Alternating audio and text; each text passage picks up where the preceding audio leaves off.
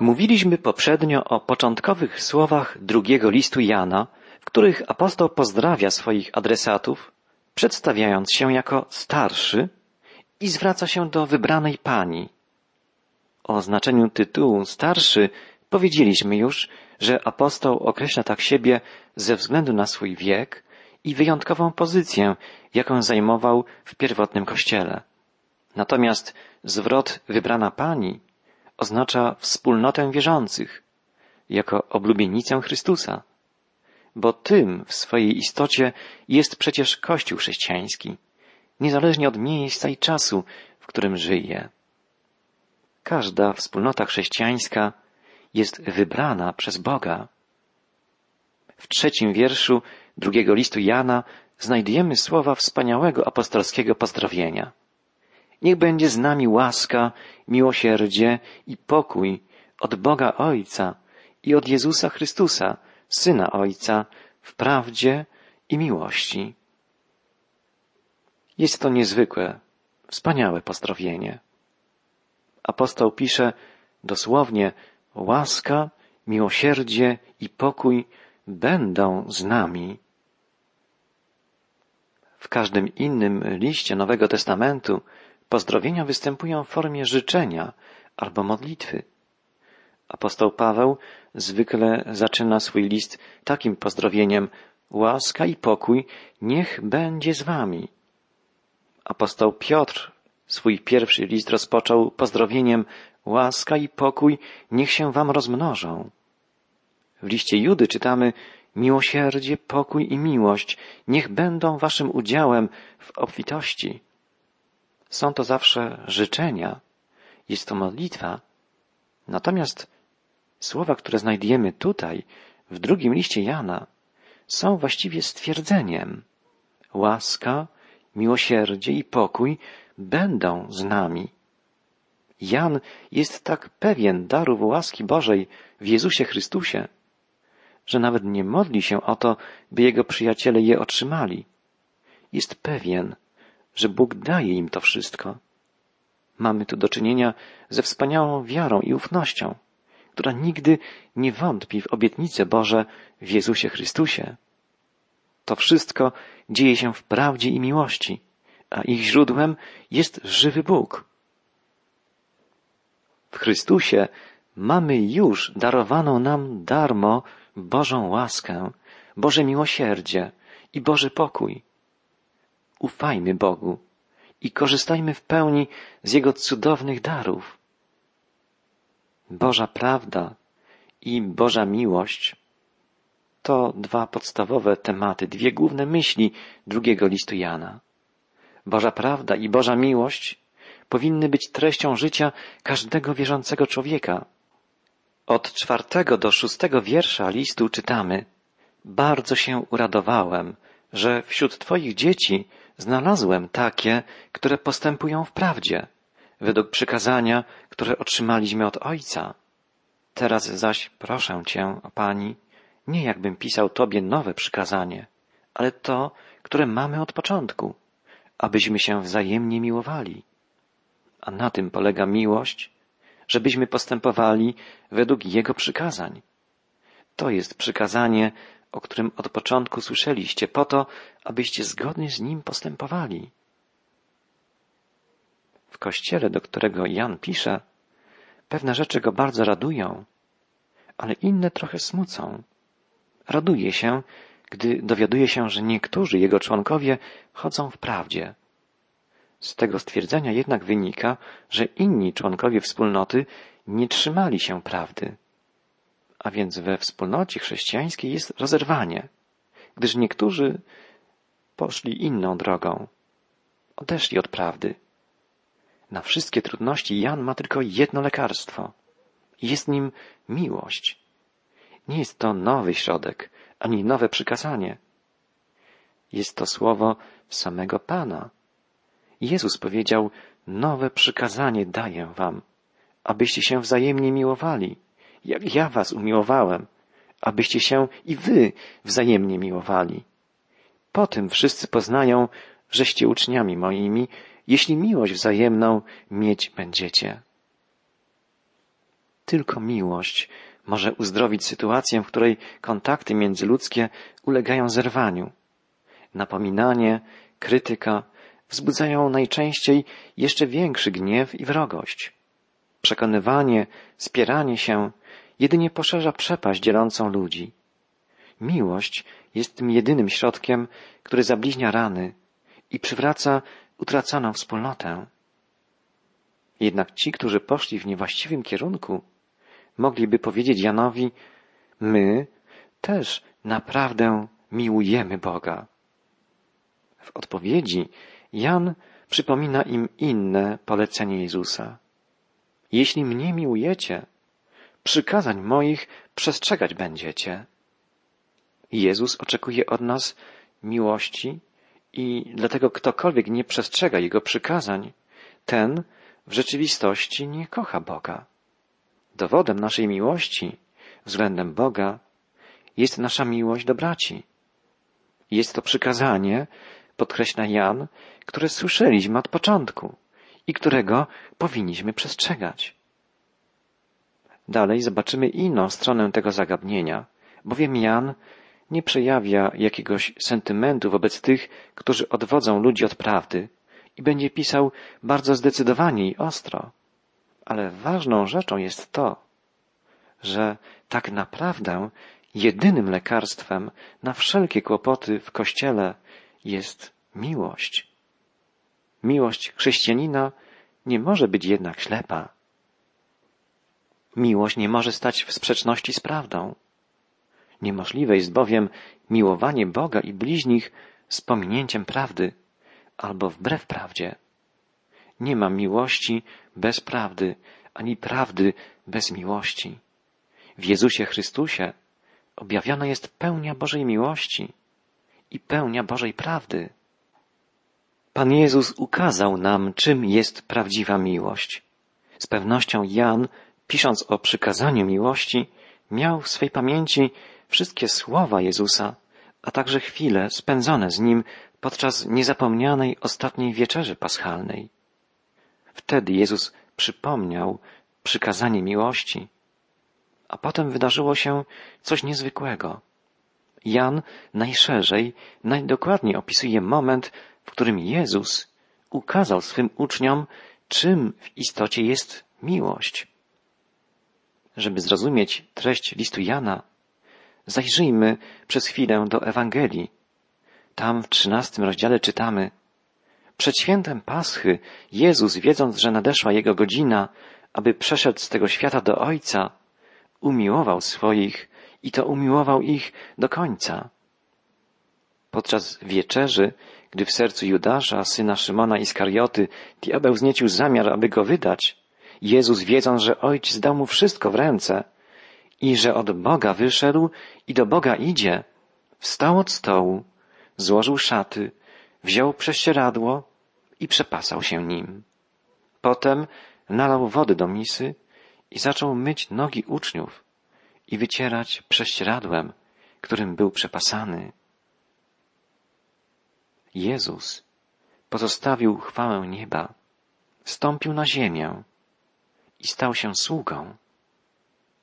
Teraz, na krótko przed swoją śmiercią, z miłością i pokorą myje nogi swoim uczniom. Dzisiaj Jezus stale obmywa nogi swoim uczniom. Kiedy pokutujący grzesznik przychodzi do Jezusa, żeby przyjąć Jego dar zbawienia, Chrystus obmywa go swą krwią, przelaną na krzyżu. Ale każdy zbawiony grzesznik potrzebuje stale obmywania swoich nóg, gdy pielgrzymuje po ścieżkach tego świata.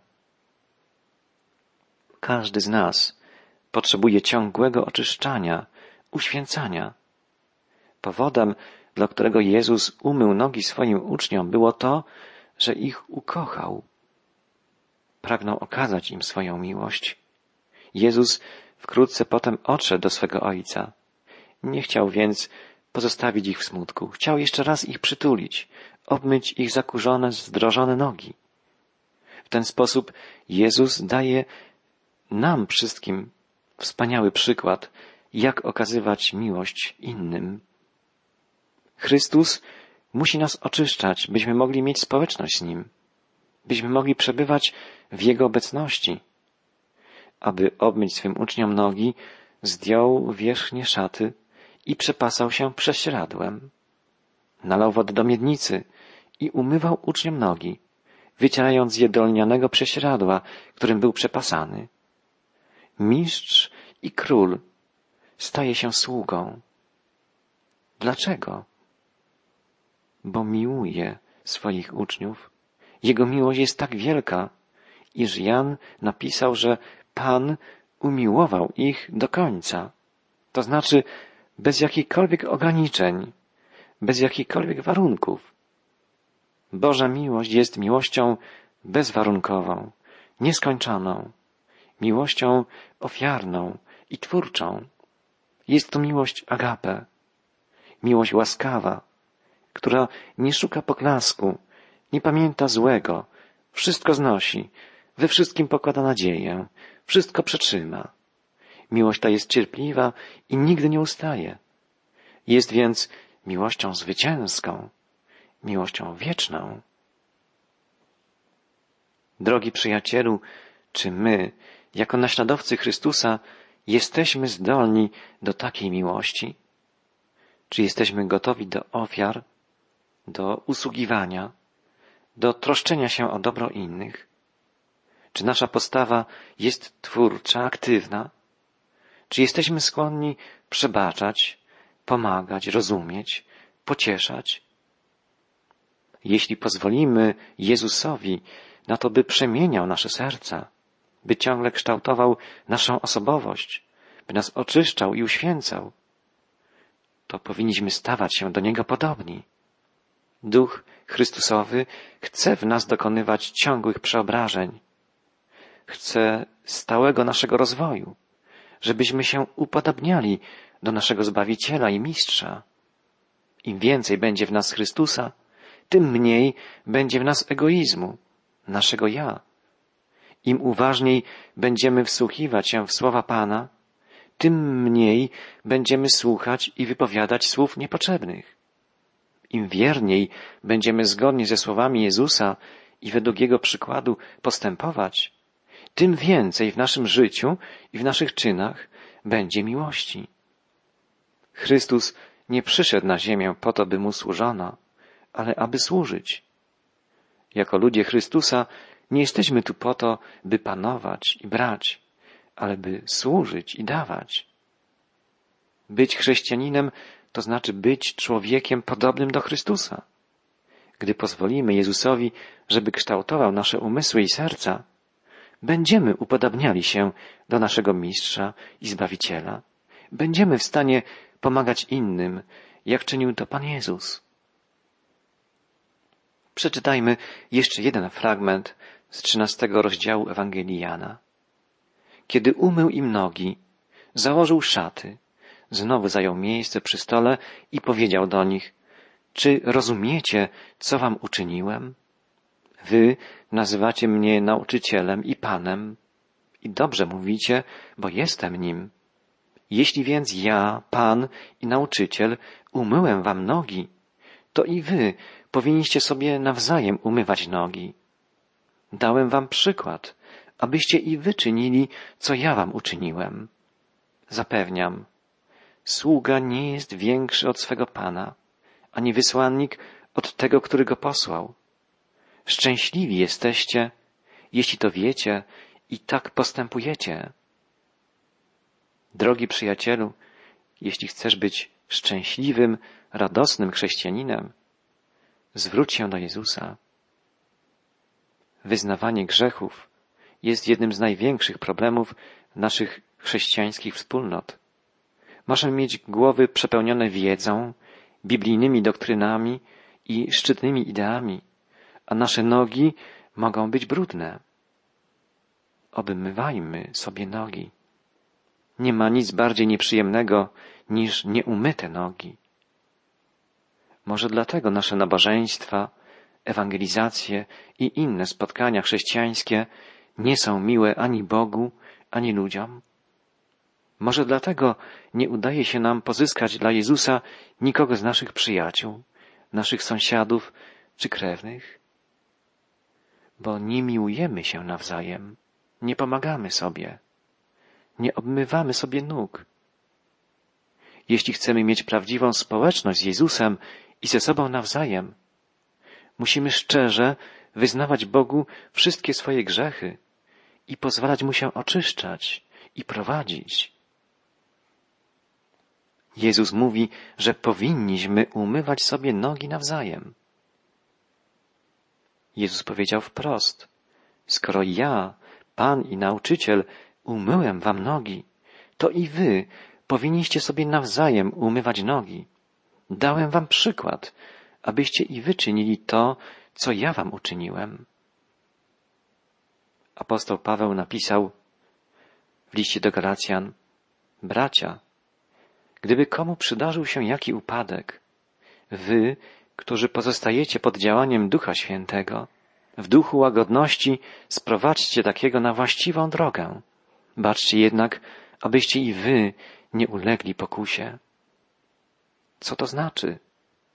To znaczy, że jeśli brat lub siostra w Chrystusie popełnią grzech, ktoś z innych braci lub sióstr powinien zaopiekować się nim czy nią i pomóc jej czy jemu w powrocie do społeczności z Bogiem i ludźmi. Krytykowanie i obmawianie jest czymś, co utrudnia powrót załamanego popełnieniem grzechu chrześcijanina do stanu równowagi i utrudnia odnowienie więzi z Jezusem. Pomoc w szczerym wyznaniu grzechu i przyjęciu Bożego przebaczenia i oczyszczenia to właśnie jest prawdziwe obmycie nóg swemu bliźniemu. Ktoś powiedział, że częściej zmywamy komuś głowę niż nogi. Mamy skłonność do wytykania innym błędów, do rozdmuchiwania upadków i grzechów swoich znajomych, sąsiadów, a nawet swoich współbraci w kościele. Wszyscy potrzebujemy obmycia, oczyszczenia. Pamiętajmy, że sami musimy pozwolić Jezusowi obmyć nasze nogi, zanim będziemy zdolni do obmycia nóg innym. Pamiętajmy też, że jeśli pomożemy w trudnych chwilach swemu bratu lub siostrze, możemy liczyć na ich pomoc wtedy, gdy nam będzie ciężko. Potrzebujemy siebie nawzajem. Potrzebujemy zachęcenia, pomocy, wsparcia, raz my, raz inni. I tylko wtedy, gdy idziemy w ślady Jezusa i gdy będziemy obmywać sobie nawzajem nogi, zachowamy jedność, zachowamy duchową świeżość i łączność z Panem i będziemy wzrastać jako ciało Chrystusa, jako Jego Kościół. Apostoł Jan chce ustrzec czystość i prawdę miłości przed wszelkimi deformacjami wprowadzanymi przez ludzi. Dlatego podkreśla powiązanie miłości z prawdą i apeluje o posłuszeństwo. Jan pisze, na tym polega miłość, żebyśmy postępowali według Jego przykazań. Podobnie Jan pisał w swym pierwszym liście. A to jest miłość, abyśmy postępowali według przykazań Jego. To bardzo ważne. Nie własne ideały, nie ludzka moralność czynią życie poszczególnych chrześcijan i całego Kościoła życiem pobożnym prawdziwie, życiem prawdą. Chodzi o życie, które jest realizacją Bożej woli. Jedynie święta wola Boga określa prawdę naszego życia. Mamy chodzić w prawdzie. Mamy kroczyć w centrum Bożej woli. Chętnie tworzymy sobie własne ideały miłości. Wtedy Boga i Jego świętą wolę wykluczamy z naszego świata, z naszego pojęcia kochania ludzi i kochania Boga. Jeżeli naprawdę miłujemy, Bóg jako Pan, Bóg jako ten, który realizuje swoją wolę, która jest wyrażona w przykazaniach, w Jego słowie, wtedy wykluczamy Boga, jeśli nie jesteśmy Mu posłuszni. Również od człowieka, którego miłujemy, przestajemy wymagać, by kierował się Bożymi przykazaniami. pobłażamy Mu w imię fałszywej miłości. Uważamy, że z miłości można temu człowiekowi pozwolić na coś, czego Boże przykazanie zakazuje, że można go zwolnić z tego, czego Bóg w swoim przykazaniu żąda. Nie, to nie jest prawdziwa miłość. Jan wyjaśnia, że taka miłość jest ślepa i nie jest to miłość inspirowana przez Boga. Miłujmy zawsze w prawdzie, apeluje Jan. Jan wyjaśnia, że postępując tak, oddzielamy człowieka od Boga i prowadzimy do zguby. Jeśli nasza miłość jest ślepa, jeśli nie jest zakotwiczona w prawdzie, rzeczywistą miłość możemy okazać innym tylko wtedy, kiedy nasze serce kieruje się wolą Boga, przykazaniem Boga, prawdą Bożą. I gdy w Bogu widzimy ostateczną instancję przy rozstrzyganiu każdej sprawy, bo wtedy na wskroś przenika nas świadomość, że Boże przykazania nie zacieśniają ludzkiego życia, ani nie pozbawiają go radości, ale przeciwnie, prowadzą nas ku prawdziwie bogatemu życiu, życiu w prawdzie i w radości, życiu w wolności, a nie w niewoli grzechu. W Kościele, który został odkupiony za cenę krwi Jezusa i który należy do Boga, nie może być co do tego jakiejkolwiek wątpliwości. Tak jest to przykazanie, pisze Jan, które słyszeliście od początku, aby było zasadą waszego postępowania. Od początku swego chrześcijańskiego życia ludzie ci słyszeli to przykazanie. My je także słyszymy. Zwiastowanie apostołów, którzy zakładali pierwsze wspólnoty, było skoncentrowane wyłącznie na Bogu, na Jego woli, na Jego przykazaniach i na Jego ratującej nas w Jezusie miłości.